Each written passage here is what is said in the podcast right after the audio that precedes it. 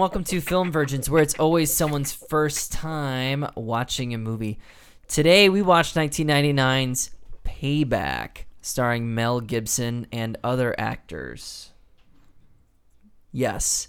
Um, so, Payback came out in 1999. It's directed and written by Brian Helgeland. Now, you might not know that name, but here's a couple of movies. He's more famous for writing. He wrote one of Christian's favorite movies, L.A. Confidential. Ah, I do love it. It is genuinely in my top 25. He also wrote one of Marcus's favorite movies, A Knight's Tale. What? Fuck you. I've never even seen Wow. okay. I have You a love confession it. to You make love it. between the three of us and all three of our listeners that are not us. Yes. Is I watched this movie like four times back when I had cable in the early 2000s. Oh, and- and I that's kept it? finding it like 3 a.m. It kept coming on. And I'm just like, well, I'm up anyway. I just remember they had it was like supposed to take place back in medieval times, legitimately, but then they were also doing like "We Will Rock You" or something. They were like doing Yeah. doo doo ch. I never watched that movie, but I heard weird things about it. All I know about it is that it was Heath Ledger and then that one chick that I think is cute. But I can't. It also has the name. guy who plays Jarvis in it. Yeah, Francis Uh, McDermott. I don't think so. Okay. Okay, other movies. Uh, Mystic River. He wrote Mystic River, which I love. Uh, Man on Fire. good Den- one. That's a good one. More Denzel. Taking a Pelham, Pel- Pelham one two three, Eh, and other alright. movies that aren't very interesting. He also wrote The Postman. Ooh, you mean he almost wrote out Kevin Costner's career in Hollywood? I think that's the famous. Lost tons of money. Anyways, we're talking about Payback.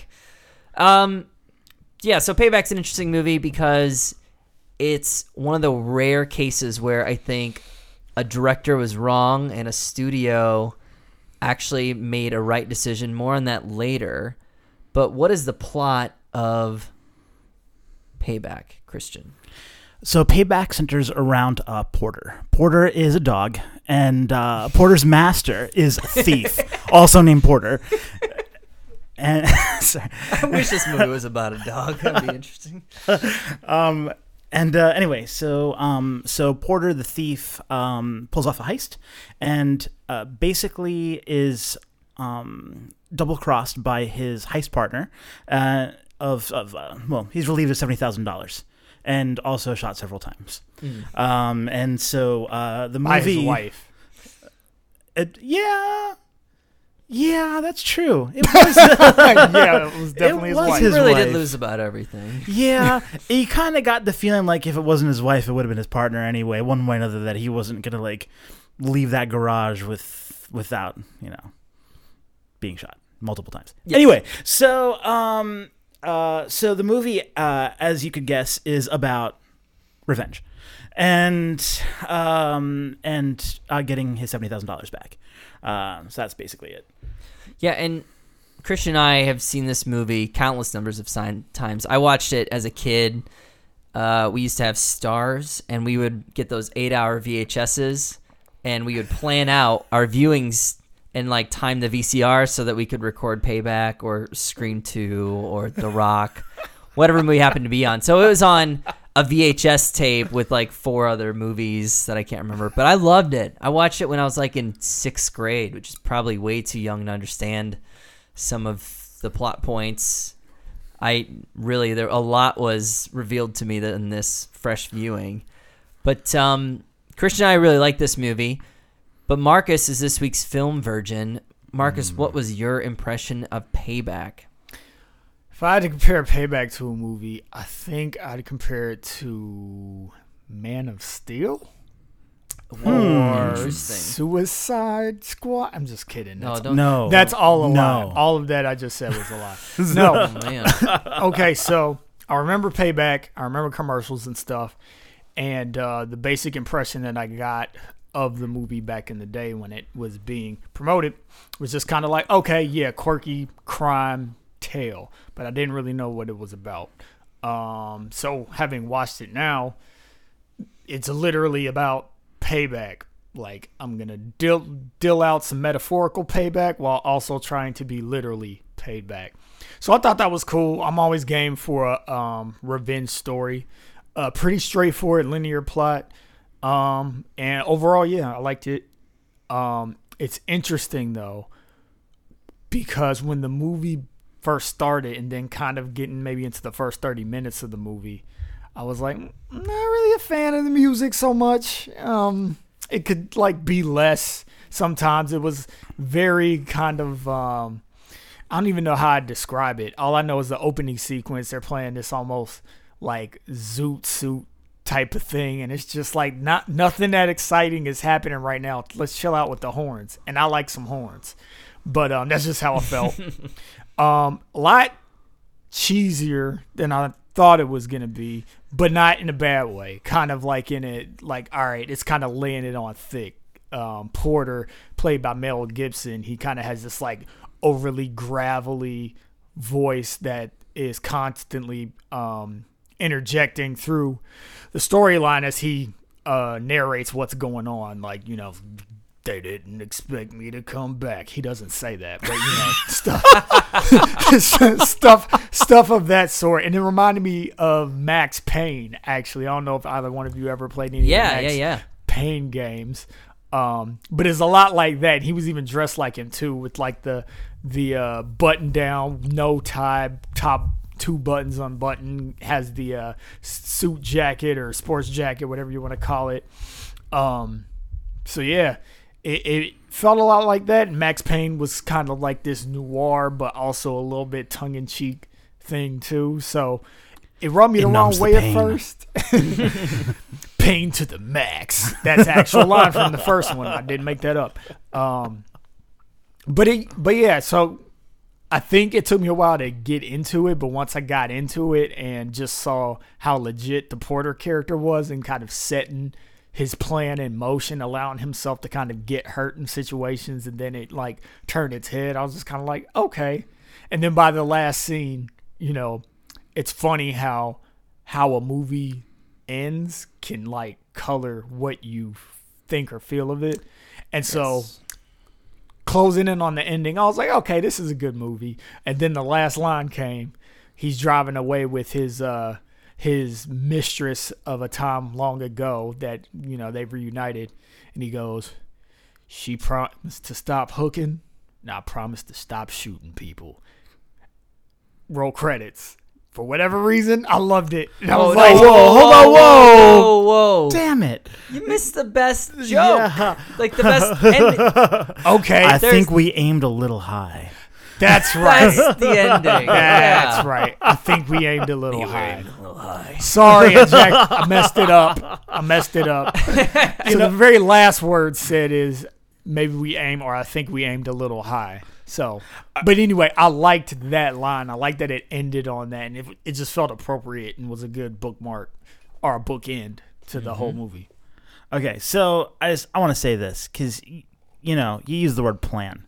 I really object to that word. Plan is not at all what was happening here. This is not you know John Locke creating like the third treatise on you know revenge. This this is Deep cuts. John Locke. ev- everything that he does is completely off the cuff. Everything is by chance or by luck or by in the moment design. There is absolutely Improv. no plan. No plan. Well, you said design. He has some plans. in the moment design. In the moment design. Like he's like sitting there you know getting beat up. And he's like all right i know what i'll do right now. But there's no thought past like 18 minutes from now. One objection to that, one heavy objection to that, when he takes the cop's um, badge. you see that even that he does that like right then. Like he sees them drive up and he's like oh i know what i'll do. And he like puts the gun in the newspaper. He, he comes up with it right then. Like Yeah, yeah, yeah. The, everything that he does is like just thinking in the moment what's the next step? And he's not thinking down the road. He's not thinking well what happens when it goes to a grand jury? He's not he's not like playing 4d chess. He's just he's just one move. That's all he's got. One move ahead. That's all he sees.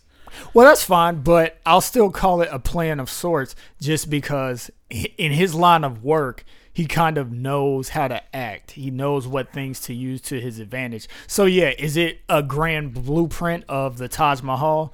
No, not really, but he does have a methodology.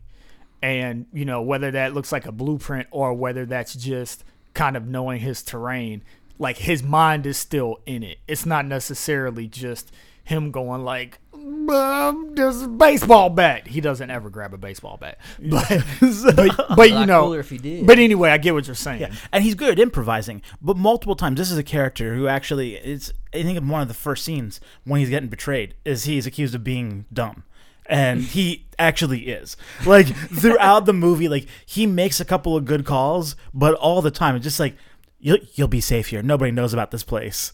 And then he looks and there's a bomb under the bed. he's like, wait. Maybe people do know about this place. and like this is his entire experience. Where like he just you know he's like oh well sorry there's only hundred forty thousand dollars. Oh they only ever have hundred forty thousand dollars. That's right. He's betraying me. And it's just multiple times he just gets in over his head. And the only way that saves him is be able to think in the moment and plan out that one next move that saves his butt. Entire movie.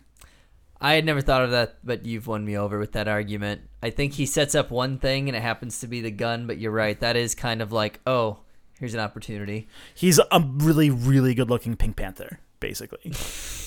Let's see. Well, Blind.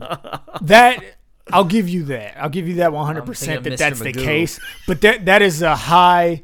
I was thinking of Mr. Magoo. The Pink Panther's not blind. Ah. I don't know. I was wondering, I'm like, what does that have to do with anything? I was thinking of Mr. Magoo. Okay, he's got one thing he can't see. That also old cartoon. There's justification. I was always pissed that the Pink Panther wasn't actually about a cartoon Pink Panther. Well, but it kind of was. There was a version of it that was Yeah. a literal Pink Panther. That is true. But that which is came the only one I'm familiar with. that came later though, right? I don't know. I think it's an insulation. Okay, maybe. At any rate, going back to what I was talking about, there is a level of competence, a high level of competence, even with operating like that. So maybe his character is dense in one ways, but in one way, but I wouldn't call him dumb. And I think people underestimated him, and that was their downfall. Is that he's actually more ingenuitive than they thought. Um, you know, just because he's not setting up things like a Walter White type doesn't mean he's not nec- doesn't mean he's necessarily stupid. But yeah, he is far from a genius. I, I think the dog comparison is apt. I don't think it's uh, an accident. There is a dog in the uh, like a pretty like dangerous looking dog named Porter. And I recall from the trailer. How do I remember this? I don't know. I didn't prep for this, but there's a even a scene where like the dog growls at him, and it's not in the movie. It was in the trailer where he growls back at the dog. Like he's that's how hard he is. Like that's how they sold this movie. And uh, yeah, I think he's he's kind of like a bulldog. Like he, but yeah, that makes him good at some things and not good at others. and and not once or twice but three times in the movie the solution to his own poor planning was to have to take somebody else's gun right Th- this is the kind of this is the kind of character that he was and and don't get me wrong this is an endearing character and he was really great at, and what marcus is saying i think you're right is he's really great at playing that one next move Yeah. that one next move he's good at but beyond that it's Right. not spectacular. Is this a quality movie? Does this movie hold up? It came out in 1999, so it's about 18 years old, going on 20. Does this movie hold up? If you watch this with a young person, are they going to appreciate this movie the way that Christian I do? Or, I mean, even Marcus, it sounds like you appreciate the movie for what it was. Are they going to have the same feelings and emotions? Are they going to appreciate the noir elements, the voiceover? I doubt it. Um, the reason I say I doubt it is because even though I did enjoy it, um, I was expecting it to be more. I was expecting to react to it more in line with what your guys' impressions were or the feeling that I got when you guys described it. And had I seen it in 99, maybe I would have. But I think that this sort of story, like this sort of like um kind of underworld crime syndicate one guy revenge story trying to get it back trying to like just following a guy who kind of knows his way around you know seedy situations. I think that's just been done so much that in order for it to be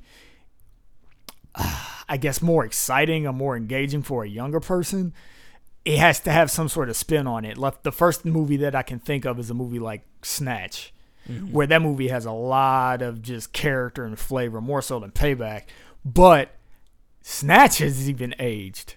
You know, so it's like there's this constant progression in like how these movies are played out. And now it's like either they're like extra gritty or they're extra funny or they're just extra weird Tarantino style, one way or another. So I mean, I think it holds up from the standpoint of it being good. I think it's solid. I think it's a fun time, but I don't know if people will be as excited just because of the typical movies that we're exposed to nowadays and just so many. There's so many movies now. Like I'd be interested to like find the cosmic ledger of like how many like movies that are about the subject matter of payback at the same sort of budget there were back then versus now, and how many movies like this have happened in between that interim. Mm-hmm. I wonder. Well, I kind of realized because I haven't seen this movie in a very long time, and I had the harsh realization that all the memorable scenes are in the last thirty minutes. Every scene that I was like, "Oh, that's a fun movie," yeah, and you even said it. You were like, "The last bit of it was much more happening." The last thirty minutes is what I remember of the movie, and everything else was kind of not terribly exciting, not bad, but not nearly as exciting as I remember it. Not as um, witty as I remember it. Um, and I think I have a reason for that. But Christian, what do you what do you think about that? It's like somebody who's seen this a bunch. Did you feel that same reaction? A little bit. I think I, you know, I'm trapped in my own psyche here as, as having seen it, you know, in the late 90s, and it was really great. Uh, I really enjoyed it then. And I think that in some ways I'm not going to be able to remember what it's like to not have seen it. And, um, but, and there's a lot of ways in which I actually do think that it is timeless in a way. And one is that it is not a slave to its time period, right? It actually um, it goes out of the way. I'm not sure if you guys were watching for this, but almost everything in the movie was period, like a period piece. So there were literally no firearms that I could see that had a normal. Well, I think there was the uh, the Eastern Asian gang, but none. The protagonist never had a gun that had a slide. It was all revolvers, right? Almost all revolvers. Um, almost all the cars were older, you know, late 80s, early 80s, maybe. Um, I think I even saw 70s. Uh, every telephone. That's what I was gonna say. Every Telephone. telephone were the old school receivers, and this is back in, in 1999 when typically your telephones are going to be, you know, wireless, maybe the occasional cell phone. Um, They were and- they were all even rotary That's dialers. funny. Well, I yeah. thought about Yeah. that, but never consciously. Yeah. So I'm glad that you're bringing it up. yeah, because it the reminds- did. bomb was low tech. It reminds me of Batman the animated series, where Mm. everything in Batman the animated series is not really specific to a time. It's maybe like a it's specific to like a span of like 50 years. Yeah, and, and that story could have taken place, judging by like the uh, peripherals. Yeah, it's and this very movie's kind of the same way. Yeah, art deco. Yeah. Yeah. And this movie has some elements of that where this movie could have easily taken place in the 70s.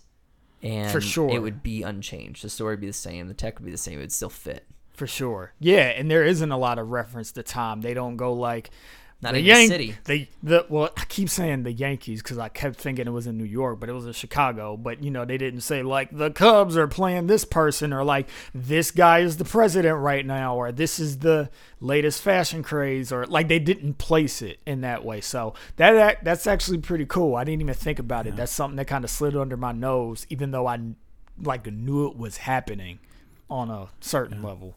And I, I'd also say, because Marcus, you talked about the soundtrack, I actually, so I liked a lot of the soundtrack. And it's funny, the uh, cue that you talked about specifically that was very heavy in brass, I actually loved that. I thought it was perfect for the ethos of the movie. However, there were some cues that I did not like. There's some that, cheesy stuff. That, yeah.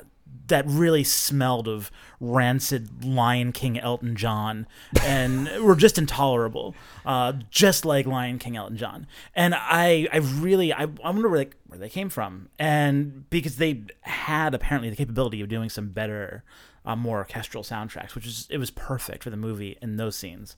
And then it got a little poppy. That was It felt like there was a lot Yeah. of early '90s guitar work in there. yeah, too. absolutely. Like there was one song that was especially egregious, and I was just Yeah. like, "This, like, why is this solo still happening?" It was like it was ending, but then it just kept going. it's like, stop! you finished. You finished already. Well, it it fluctuates between this like big band kind of like jazzy, cool uh, score to like then like a bluesy, really '90s guitar riff, a little bluesy Yeah. but still Yeah. kind of generic rocky rock sound, and then it has also this bit like this high sappy guitar that would have fit in perfectly in Con Air like whenever he's thinking about his hummingbird, you know, like it, that's when the score would come in. It was really bad. There was one scene I can't remember which one it was, but they like brought the sax in too. I was fine with that. That's the stuff I liked. Oh, I wasn't. All the horns. See, the horns felt eh, they added to that timelessness, like that to the same way that the tech in the movie or the peripherals are kind of timeless. When that like cool big band stuff is going, I'm in. And then when the guitar starts, or when they have like a sappy bad like synth string thing going, it's dog shit. Absolute dog shit. Took me out of the movie. I'm such a soundtrack guy, and I, for me, when I'm trying to determine whether or not a film is aged poorly, soundtrack is the first place that I go. And this one, it was good in parts, but it aged very poorly in others. The other thing, I, I always thought this was like a New York movie. I hmm. remember this being like, oh man, this is like a gritty. I don't know anything about New York. I've only been there once, but uh, but then I there's like one scene on a bridge on the opening that like looks like it might have been Brooklyn Bridge or something, and then everything else is like, wait, that's the L in Chicago.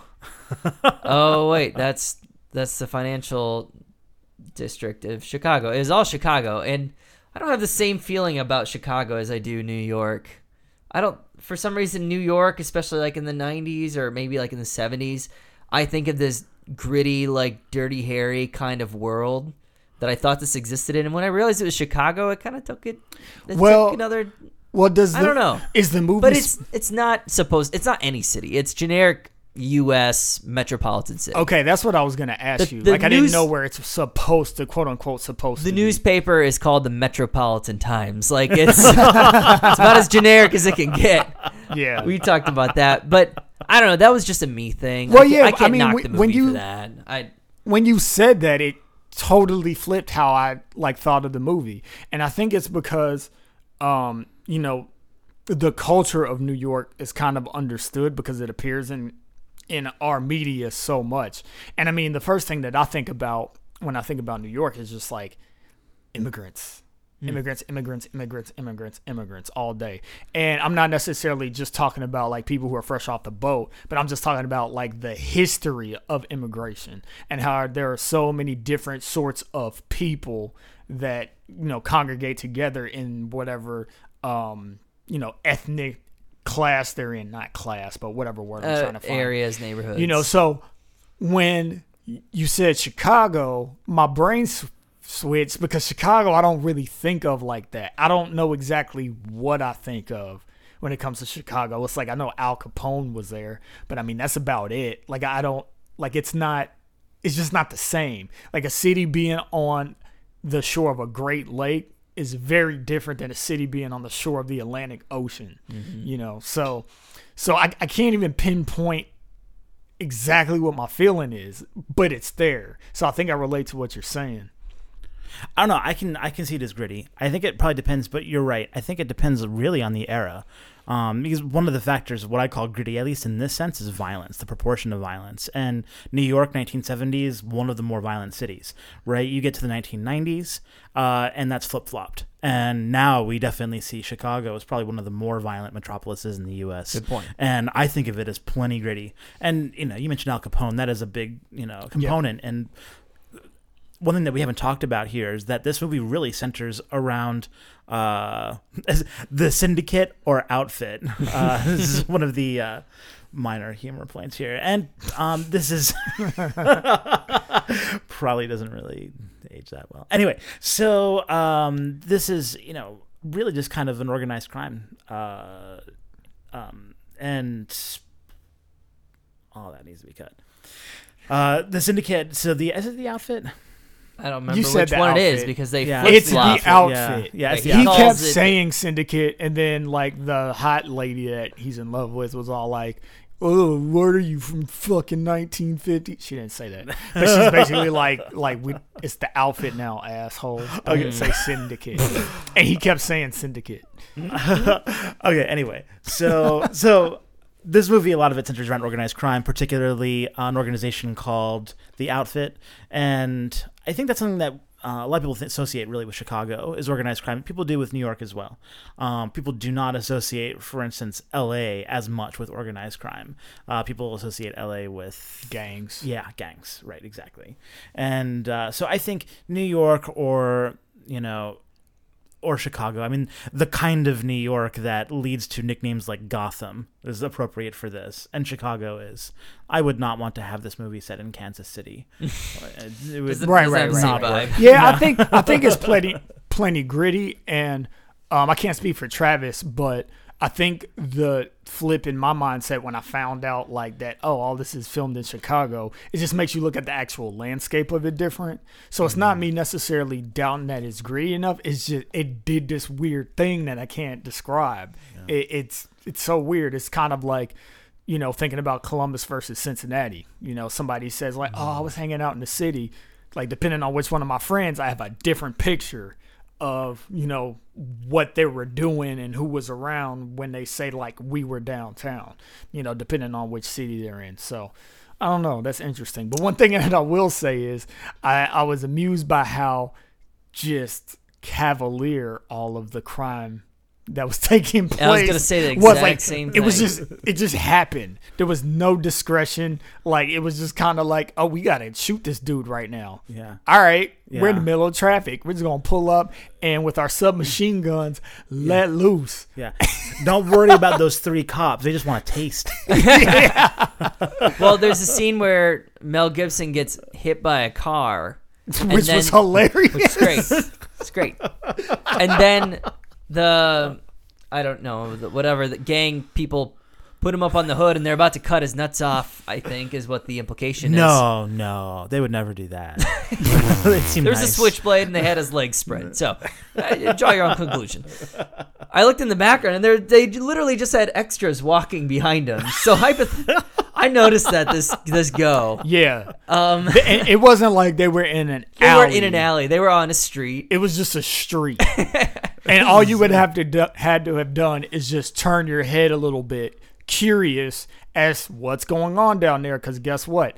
That's how being a living mammal works. Like we're attracted to movement Yeah. and gatherings and commotion. Like we don't even think about it. Um, apparently in Metropolitus land, nobody gave a shit there was another scene where he basically blows up a car, which this wouldn't happen, but he cuts the gas line to a car of some guys that are tailing him. And then, you know, he's like standing behind him smoking his cigarette. There's the there's a gas trail leading from their pipe underneath the car to him, and he just kind of looks at him and you know drops the cigarette down, and then he, they're just out like it's daytime. And it's just like, I guess there's no consequences when you're Mel Gibson. Not really. I mean, he also fires 24 contiguous rounds from what appears to be a six shooter. So, I mean, and this is, I think, a fairly common thing for, you know, pre 1990s movies. Yeah. But I have to say, it was a little jarring for 99. I feel like 99's a little bit late to be doing that kind of unlimited ammo thing. So here's It's an, always late, dude. So- it's always late. the bad guy busts into his girl's apartment, and he's Mel Gibson's nowhere to be found. He left. He's like, ah, I gotta get away. It's getting too close. Just- I got, I got shit to do. Fuck off. Um, that was a dumb move. and he way. goes down the stairs, and the bad guy, just as the bad guy's coming up the elevator, and he kicks in the door, and uh, throws the girl around, and Threatens assault, sexual assault. threatens sexual assault. he, Does he does in no Does he- uncertain does anyone remember? Does he fire a gun? sexual assault. Does he fire a gun in that scene? I think he does. Uh, Val. I think he the shoots. that. I think he shoots a gun towards her or something. oh, the dog gets hit. Yeah. oh I yeah, yeah, yeah. And then Porter. he sh- yeah, yeah. Porter the dog. and the bad guy shoots this uh the woman's dog, and then just says, you know, all hope is lost, and he's going to you know do something horrible. Uh, Mel Gibson walks in and and shoots him, and it's great. He shoots him twice. Yep. Right, and it's heroic and it's awesome. And he's a badass. So then he talks to the bad guy for a little bit. And when he gets all the information he needs, he decides to kill him. And then he does that pillow thing where you put the gun over the guy's mm-hmm. face to act as like a silencer. And I was like, you already fired. There are already four shots in this apartment building that were fired. But then that last one, you felt like you needed to silence. It looked cool. It was cool as shit. And it does work. I have personally killed four people that way, Oh, very quietly. ah, that's why I, didn't, I, I- I guess didn't- nobody I didn't- knew about it. yeah, I didn't know this was the uh, the, the the truth or dare podcast. We're, we're, we'll take revealing Darren our- next time. I'll take Yeah, Darren. exactly. But, But- it really is a great point. I hadn't thought about that. Yeah, I didn't either. So I like, didn't even think about yeah, it. just another, just adding to that point of like, in this world, just gruesome gang violence happens on a daily basis that most people don't report it. Yeah. And consequences are just an excuse for narration. Yes, Pretty much. While we're talking about time capsules, as we often do about older movies, I think I got lung cancer from watching this movie. I mm. Oh literally my have God, emphysema. dude. They smoke so fucking much. Yeah, man. it's also probably just like how sensitive we are. Yeah, and I Is- think, or do they smoke a lot? well, no, I think it's partly part of that. They do, but it's part of that that '70s ethos, talking about like the old phone, old car, old whatever. And I think it. This movie is supposed to be. I do think it's supposed to be out of location, out of time. We talked about Chicago, but it doesn't really identify itself that much as Chicago, um, No, it and it doesn't There's no identify a particular shot. time. You're right. And I mean, and it's it's it is that's the ethos: leather jackets, cigarettes, souped up cars. Um, you know, revolvers. This is Yeah. this is part of the movie. I think part of the uh, it's part of the style of the protagonist. You could even make the argument that, you know, you said this is a guy that did LA Confidential. Like, this movie definitely had a strong noir influence, or, you know, even its spine could be described as that. Like, that's how the story is built. The storytelling, kind of like the misanthropy or whatever the word is. Um, of the main character, Uh, like everything felt really nihilistic. So it's kind of like, you know, smoking goes right along with it. Uh, although I'll I'll say uh, I totally agree with that. Although I kind of wonder is that noir coming from the writer in this case, or is it coming from the director, coming from the set designer, coming from the costume dude, coming from the prop guy? Right. No, he did. He wrote and directed it. Oh, then And it's there you go. based so it's on coming from the same person. Doesn't really Right. matter. Yeah. Uh, but but I'm just saying you can write this movie and then give it to a different person to direct, and it isn't necessarily it's not it's not noir. Well, that is a perfect segue to talk about the weirdness of Payback.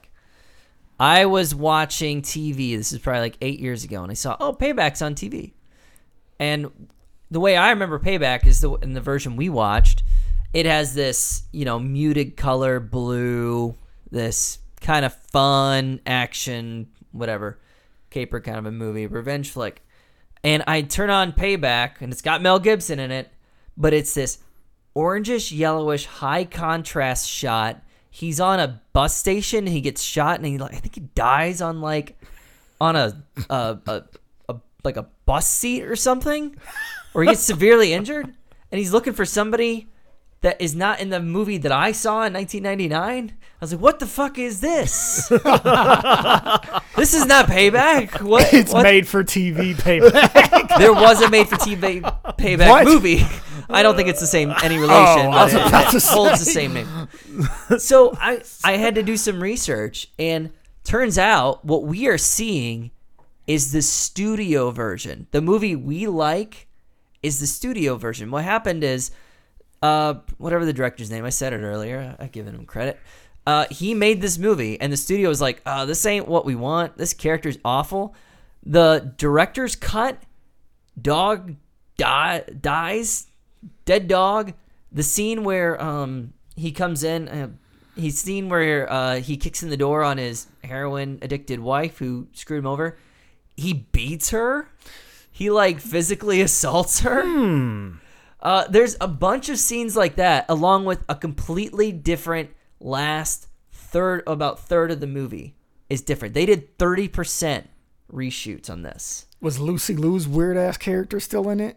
I don't know. I couldn't tell you, but Because her there was nothing serious about her character. Like every scene she was in was more dark humor. they're they're always action. cagey about what they reshoot, what they take out, what they keep in. But basically, what I know for sure is, uh, I think almost everything after that confrontation where the dog gets shot, I think was all reshoots. Because from then on, the dog is alive, which was a note from the studio. And then also, that's around the time where we get introduced to Kris Kristofferson's character, who is completely made up by a different writer and then directed by a completely different director because the director, original director, didn't want to come in for the reshoots.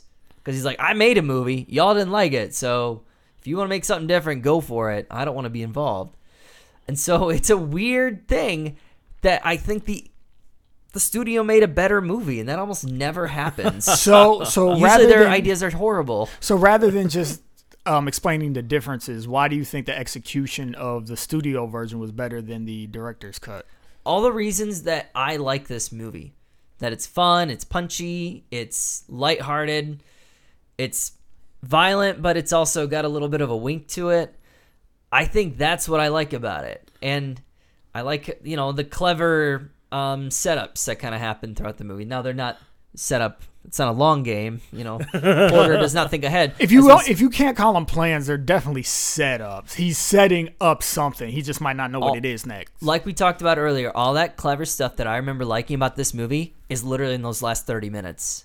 Ah, and I'm pretty sure all the stuff So I like are reshoots. And I looked for it this time because I read about it a little before the movie, and that's why the first like chunk of this movie is kind of a downer, and not a lot happens, and it's kind of dark. The music is punchy and fun, but the scenes, if you could totally see where if you change the color temperature and you change the score, how this would be a dark fucking movie. Well, it's funny that you say the temperature is actually warmer in the more serious version than this one. That's interesting. But that also might explain the misalignment that I was experiencing, you know, when the movie starts and it's this the Totally. The intro was added just too. the intro was added. yeah, and yeah. all the voiceover, all the voiceovers. added. Okay. Blade Runner style. right. I, in, something else that I, okay, so Travis uh, talked to me about this before we watched the movie, and I was looking for it this time. And something that I noted was that it actually did feel a little uneven because Yes. it was um, this character was shown with uh, kind of grace and levity, and yet um, even the scenes that they kept were actually pretty dark. And he had a very, very light trigger finger. And we talk about the outfit as in this organized crime uh, syndicate, uh, but you know, honestly, they weren't other than his partner who swindled him out of that original heist money. The syndicate actually the the outfit had not done anything specifically to him. And he went around light trigger finger taking out everybody. And it did it seemed pretty untoward to me. Yeah, it was actually interesting because, um, spoiler alert, on a movie that's friggin' almost uh, 20 years old at this point. Um, but it was interesting to me that, like, his original mark, he kills, like, a little more than halfway through. So it's kind of mm-hmm. like, oh, aren't we done? But, oh, no, we're not because he still hasn't gotten his money yet. But yeah, like I the the scene, which was odd, but it actually was kind of cathartic to me in a way, where he meets up with like the first head boss guy, like just this this super like, damn it, I didn't want to say it, but I'm gonna say it. This super just like ultra white businessman, Wall Street type figure, and he's always talking about what's good for the corporation. Mm. You know, we, w- had you handled this on your own, you would be the type of man that we would want, like that guy. you know, and so it's like there's this character. He's just like, just like, just exudes this confidence of just having so much power and influence in this world that they've created that like you know he's basically holding them hostage and talking to like one of the other associates over the speakerphone like look i'm gonna shoot this dude unless you okay him to give me money right now. And he's just like yeah see you're not gonna get it. And then pow it's like oh he just shot him Yeah. he actually just did it. Like you don't see that in movies a lot of times. It's usually like you're bluffing. Yeah. Now walk your way out. You don't you don't know what shit you're in, buddy. You know? and not this time. It's just like, oh, I don't get my money. Pat. shit. Yeah. and, and no one, no one was threatening him. They're like, "Well, we'll look into it. We'll look into it. You know, we see. So you want hundred three thousand dollars? No, seventy thousand dollars. All right, we'll look into it." And Yeah. then, bam, dead. And they Like, kept offering him more money. Well, not offering, but they kept suggesting, suggesting, Suggesting more money. that he wants more money. He Yeah. keeps having. To, it's not 130 that I want. It's 70 grand. Yeah, it's- and at one point they're like, yeah. "What? what? 70? dude. Every time, every time they say what? Every time they're like, Yeah. they just, and even if they don't say it, there's that look, that furrowing brow, and look of consternation. Like, Yeah. really? Mm-hmm. Okay, you know what? I might have to take everything I said back. I think he is kind of dumb. Because because now I'm thinking of all the shit that he went through and for what? Because technically his revenge, like he could have got that without getting in so many situations that jeopardized his well-being in life. If he would have just been satisfied with like, okay, like I got the dude that like double crossed me and colluded with my wife behind my back. You know, he's just like, yeah, I want my seventy thousand dollars. It's not one hundred thirty thousand. It's seventy. That's all I want. It's like, really, dude? Like this is this is a lot. It's a lot that you're going. He's a man of principle, Marcus. And yeah, the one dude even asked is like, "What? What are you doing? Like, this is this a principle thing?" My suits cost more than that. that guy was awesome, by the way. I I- loved that. All that stuff, I'm pretty sure it was all added. All that fun, the, the jokes. I want to watch the sure depression all- one now, though. I'm yeah, super I do. intrigued. I really want to see it. I'm really intrigued. oh man, You probably have to take a shower after it. It's got dead dogs and wife beating in it. Sounds great. you know what though? But it's funny there's because already dead humans. it's funny true. because even though the um, beginning narration was added in, it kind of set his character up as really, really dark, and just like how everything that he was doing was just blatant disregard for society or whatever. Like he wasn't being discreet in anything, like jumping the turnstile. Taking money from like a, a homeless guy, even though the dude was like a hoaxer, he was saying he couldn't walk, and then you know when he took his money, he like stood up. But still, bold move. I love Very that bold intro. move. I actually love all of, everything about that intro. And I'm not saying it's bad. I'm just saying that like it sets him up to be like more I guess just sinister than he really is cuz he's not really sinister. He just doesn't give a fuck mm-hmm. more so than anything else. But in the beginning it's made it seem like oh, this dude is like a swindler. Like this dude is like constantly looking for a mark. That's not the case. He's just willing to do whatever he needs to do to get money. Yeah. Mm-hmm. Like and and not in a way where it's like I'm going to trick innocent people. It's like no, like I'm in this crime world. So I'm going to this is how I operate and that's it. and because he's always bargaining down, I was saying no, it's seventy thousand dollars. I think sometimes it's easy to lose sight, easy to think, oh, that's you know, he just wants his, what's his, right? And easy to lose sight of the fact that you know he took that money from some seemingly nice Eastern Asian fellas in the beginning of the movie. that isn't his. nice. Oh man. Uh, I anything else on the reshoots? I'm trying to think. Oh, so you want to rewatch Payback, the straight up edition? I do kind of want to watch That's the straight called. up It's literally called the straight It's up It's literally edition. called that. That's stupid. the Payback. Boo. They should redo that. Like you could, why not just call it director's cut? That's what they're all called. well, here you go. Payback, straight up. The director's cut. Is is that rhyme? I mean, straight it's, up. a, it's a slant Absolutely rhyme. not. It's It a does not slant rhyme. rhyme. No, there's no. You're the you're the expert there. Yeah. Here's the the cover and all of its like redness. redness. I actually like that cover though. it's it's, just- it's kind of like John Wick, the John Wick cover, where he's just like holding the gun to the, but he's holding it sideways, and just the angle makes it very domineering seeming. I wouldn't say sideways. I go 45 on that. 45 45. okay, 45 45. which you know what it was funny because he was he did hold a pistol um sideways like three times and it really bothered me it's just like dude you're not like a crip like you're a guy who was in the U.S. Marine Corps, which they don't mention. You just see his tattoo, USMC. He might have stolen that Oh, tattoo. yeah. he might have stole that tattoo. It's just, it's just like, no, dude, like you know how to shoot. Don't shoot like that because anybody that's ever shot a gun, like try to shoot it like that. You ain't hitting shit. Like it's like it's just not designed that way. Yeah. Let's talk about Mel Gibson. He is um, Must we? he's, uh, a colorful character. Uh, as of recent, Nice guys finish last. Nice guys are fine. You need somebody to screw over or whatever he says. Yeah. I have a soft spot for Mel Gibson, not for his uh, rants, his drunken rants. Oh, and- not for his anti-Semitic comments. anti-Semitic. No, not a fan of that. Not a fan of that. Also, not a fan of uh, I think spousal abuse or something else. I can't remember. He had a, like a girlfriend or somebody who recorded like he made like a bunch of threats to her. I think. So he said lots of things. yeah, he's a mess. I think he's coming back though. He just had a he directed a movie. He no, he directed a movie that uh, that got uh, nominated for an Oscar last year. So Huh. Which Hol- one? Hollywood's looking for a comeback Which one? sequel to Payback. What? Uh, it was the Andrew Garfield World War II movie where he doesn't. He's a Mormon or something. Wow. I don't even know what Andrew to say. Garfield World War II. Yeah, it came out. I don't remember Andrew It's Garfield. some being- Heartbreak Ridge. I was like, then it's like a rock, and I was thinking of Hamburger Hill, but that's a Vietnam movie. Oh, Uh, it's yeah, uh, Heartbreak Ridge. That movie I said. So he directed that, uh, and he was in some other like Edge of Darkness, which was directed by the guy who did Casino Royale.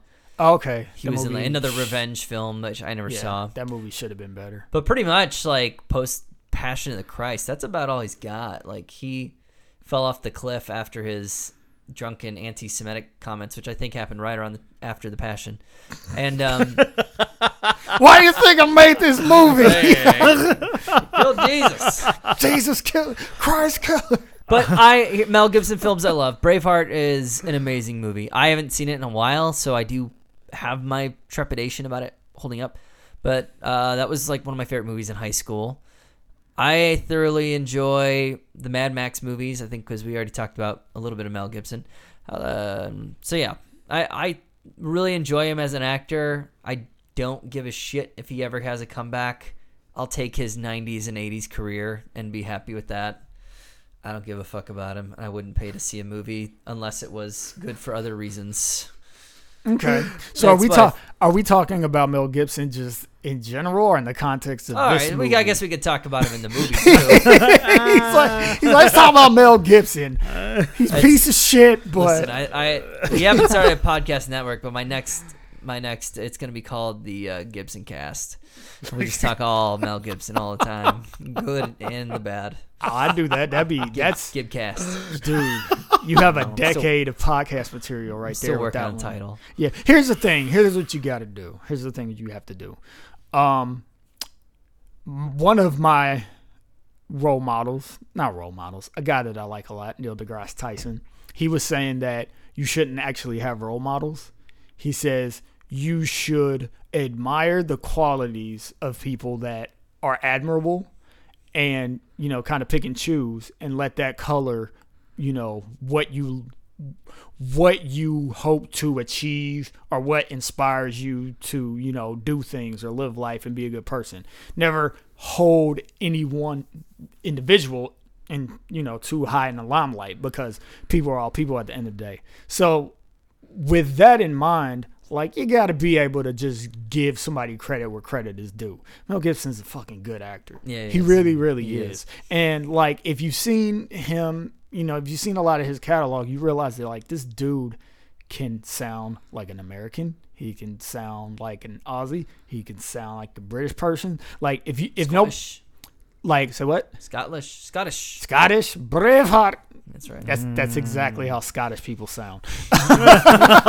Spot on. no, but like, and he's and he's convincing at it. It's not just that he can do it; he's convincing, and he just fits into those roles like so easily. So, I mean, as far as this movie went, like even playing off the subtlety of not being subtle, if that makes any sense whatsoever. Like he he does it, he kills it. Like I said, the movie took me a little bit to get into it, but once I kind of accepted like the type of thing that it was, that it was going to be kind of this Max Payne tongue in cheek sort of thing, I was like, all right. And I was just, and then I realized like he's doing it. Like I believe him. Like this guy is intimidating. Like this is a guy that you don't mess with. Like he carries himself in a way where it's like, you know, he might have a little bit too much confidence because he gets himself in fucked up situations. But then again, maybe not because he also gives himself out of fucked up situations, which is a skill in and of itself. So, you know, Mel Gibson, you might be crazy and stuff, but hey, I got to give it to you. You're a good actor, man. And I think one of the things about this movie that um, I noticed, and as we're talking about Mel Gibson, really he carries it in terms of acting. There's a lot of good character actors in this movie, but there isn't really an antagonist in in the sense. Val would be yeah. the closest thing to it. But you know, when your antagonist dies like a third of the way through the film, spoiler, right? But um, I don't know. Is that really your antagonist? And uh, you have this series of almost feels video gaming. like boss battles. Yeah, yeah, yeah, for yeah. sure. Level up. It is very linear Yeah. in that fashion. And so, Yeah. like, ultimately, he's the one face of the constant. There's that his girlfriend who's weak, but I don't know. She doesn't really show up for that much of it. I don't know. I think she, she is one element of this that I think lifts right out. There's no interest in her whatsoever. She was fine. She I- was fine. That's the thing. It's Yeah. like just she was fine. She wasn't bad. Just a waste of my time. The only I- reason I liked her in the movie is because honestly, I think she's hot. But I, I think there's room know, actually but- for um, a little more personality in her, and maybe that's in the writing. That could Yeah. actually be maybe due to the writing. Like I think, you know, like being in love with the, I don't know, your your muscle, and like I don't know that little dynamic, that little uh, sexual tension. There might be something that could have been fun there, right. and it just wasn't there. No. I think all And it really adds. Sorry to cut you off. I think all it really adds is just the fact that it's like, oh, okay, this character does have a soft side. Yeah, And that's pretty much it. Um, so it doesn't really bother me that much as she she serves more of a purpose to flesh his character out rather than to be a fleshed out character. And I thought with how she came off was just kind of like, oh, okay, this chick is tough. She's no bullshit. Like she can handle herself. And I feel like that's all she really needed to be since she was just being the chick that showed his soft side. Mm-hmm. And I mean, I just ran the numbers though. I think Lucy Liu was like twelve percent at least higher, hotter than this. Like I don't know. Is actually Lucy Liu was pretty awesome in this, but I, and Her character could lift out too, but I loved her character. her character. But that's the thing is her character. You just talk about fun. Her character was fun. This Like, is true. Her character the- was fun. The girlfriend, not fun at all. Very boring. Very boring. Uh, you know, I don't know. There just there was no value in it. There, and it was a writing thing. I don't think the actress was bad. I, th- I think I actually seen that actress do well in parts before. It just she didn't have the parts, and maybe that was the thing. Maybe she had some really meaty roles in the director's cut, and maybe they just didn't know what to do with her for this. Shit, maybe she was barely in the director's cut. That's I don't true. know. Maybe but- Mel yeah. Gibson beats her up too. That's why she has the black eye in all those scenes. Oh, jeez. Mel Gibson angry. I, I mean, I don't know. Porter, whatever his name is in the movie. But, But I He's just mean- Mel Gibson. I can't help it. the, so the dude that dude that Mark was making fun of Carter was pretty solid. Um, generic white businessman dude. Oh, he was great. He was great. he was great. solid. Uh, there I was like a few- Fairfax too. He was, Fairfax was he great, was the, Uh, he was Colonel the, the Sanders motherfucker. yeah. He was the he was the guy that He had the Mel Gibson's character was trying to get to. He shot Carter to get to Fairfax, basically. And Fairfax was awesome because he had um, these very expensive alligator bags. And Mel Gibson shot one as kind of like a, hey, I'm not fucking around. And the dude's like, hey, man, that's, that's just me. that's me. That's just me. Shot a hole in my suit. and then uh, He's killing my alligator bag, shooting holes in my fi- suit. final boss battle is uh, uh, Kris Kristofferson, who was, like I said, the last thing that was added in the movie. Yeah. I actually enjoyed uh, David Paymer in this. Actually had Is relative Is that Johnny? is, is Arthur Stegman. Oh, okay. I thought you were making a joke. Stegman was Stegman good. was good. Yeah. Stegman was good. Yeah, I mean this is the second movie that we've watched uh, on this podcast with him. What Uh, else was he? I'm trying to remember. Don't say anything. Don't say anything. Give me just. Oh, I got it. I got it. I know what he's from. all right, all right. Don't say it. Don't say it. I won't say it. Please keep this dead air in the podcast. the sound of us thinking furiously. Fuck. I'm not gonna get it. Fuck. Fuck. It wasn't Con Air, was it? Absolutely not. No. Okay. What was it? Should I? Should, I got a good. Yeah. Oh, sorry to have to quiz you. Who was Dear he in God. that? Who was he in that? He's one of the. He's Dan Enright. Yeah, he's one of the TV executives in Quiz Show. They- remember, it was him and Hank Azaria were the two Wow. executives. The, the, the, the, He's ones, got glasses. Talk about range. yeah. That's a completely different Completely guy. different role. Completely He's a good different actor. guy. I was wondering why his face looked familiar. I was like, I just saw this dude in He's something. probably been a ton of other shit too. I would imagine. yeah. Wow. Yeah. Well, he's great because he was great in Quiz Show and he was great in this. Yeah. Yep. Yep. No, I mean that that scene with yeah. I don't, I don't, it's not about quiz show. I love that dude. He's great. Yeah, he's great. And he was all in this, but again, it, none of these characters. It, maybe five minutes. The most camera'd character in this entire movie, other than Mel Gibson, had five minutes, maybe. Yeah. Yeah, yeah, yeah. A lot of fun characters, which is one, which is a hallmark of any good sort of um, quirky crime movie. You know, you Yeah. think about your snatches and your Italian jobs. I know exactly how that sounded. I'm not taking it back. um, your Pulp Fictions, all of those movies are really defined by like the personality of the characters, even the characters you see for two seconds. Like it's all about that, and I think that that's one thing that this movie did do well. Um, apparently, except for the love interest, is that everybody was they had this little quirk, even like. Even if it was just the way they talked, Yeah. or the way they looked, like that hooker that he's trying to uh, get money from That was a great. That was a great she scene. had probably the greatest like acting to time on screen ratio of anybody in the movie. Freaking, she's just like making all these weird faces, and her eyes are like huge, and she's just like, "This is all the information I got." It's just like, what is wrong with this chick right now? She grabs the money and he's like keeps his finger on it. Yeah. And she keeps pulling She just keeps pulling until he lets go. Yeah, she was awesome. How about Recos?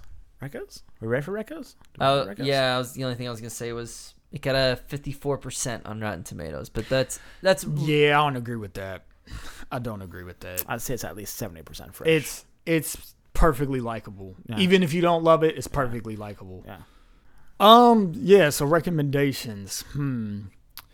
Um I guess I just recommend this to anybody like I said whoever wants to see a uh sort of crime story, revenge story. Like it's pretty straight up. Like the movie doesn't really have a whole lot of um frills, bells, or whistles. It's not fringe really in any sense. It's just kind of a movie that has a distinct personality, and you're just following the guy being a badass. And you know, I always like movies like that. So maybe you're casual, your typical watcher who wants to see something that is uh kind of heavy, not too heavy though. Kind of heavy, kind of funny, um, very adult. I don't know. I don't like that recommendation, but that's all I got. So you know, actually, I don't even know who I'd recommend this to. I'll tell you two people I wouldn't recommend it to. One would be a fan of Mel Gibson's, because uh, this is not, even though it has Gibson and he's good and maybe you like it, but he, this is not the typical Mel Gibson role. I think Mel Gibson we think of as the protagonist, unabashed, good, you know, righteous. This that's not him in this movie. Um, so if Is that's this what you're Mel Gibson's for, training day? yeah, he's not that bad, but he's definitely like I don't know, chaotic, evil. I don't know. it's like there's there's nothing there's nothing that's just about this person or good. They just they are, and maybe you think that he got a raw deal, and so it excuses his behavior. But this isn't him being a hero. Um, and I would also not recommend this for someone who's looking for. I know we talk about being a revenge film, but I don't think you get that that kind of catharsis that you get, you know, when you read, say, you know, The Count of Monte Cristo. This isn't that. You're not going to have this arc that culminates in a climax of him finally getting revenge against the people that harmed him. It, it isn't that. I actually think the closest alignment that I can come up with is maybe people who like heist movies.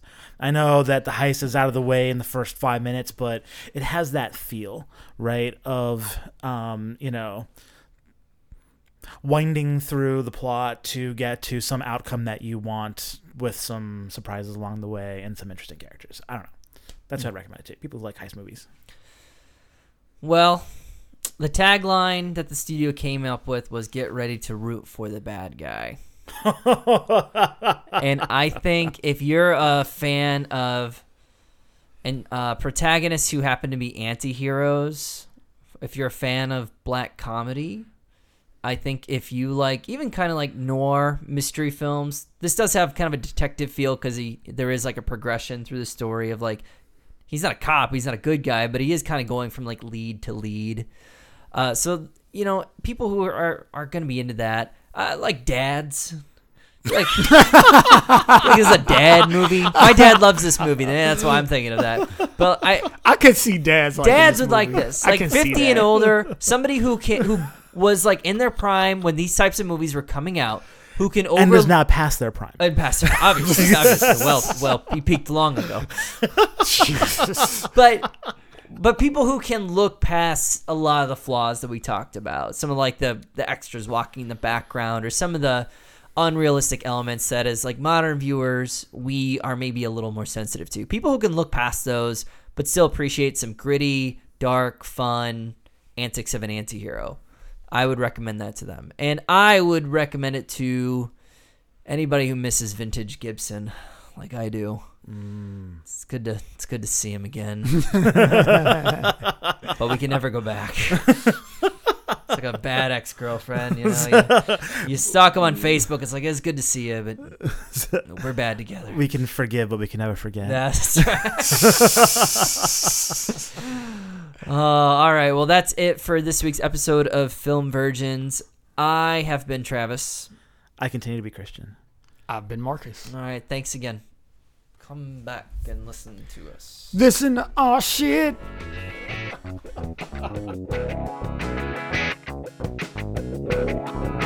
Thanks for listening. Subscribe and look for our next episode next week. Yeah.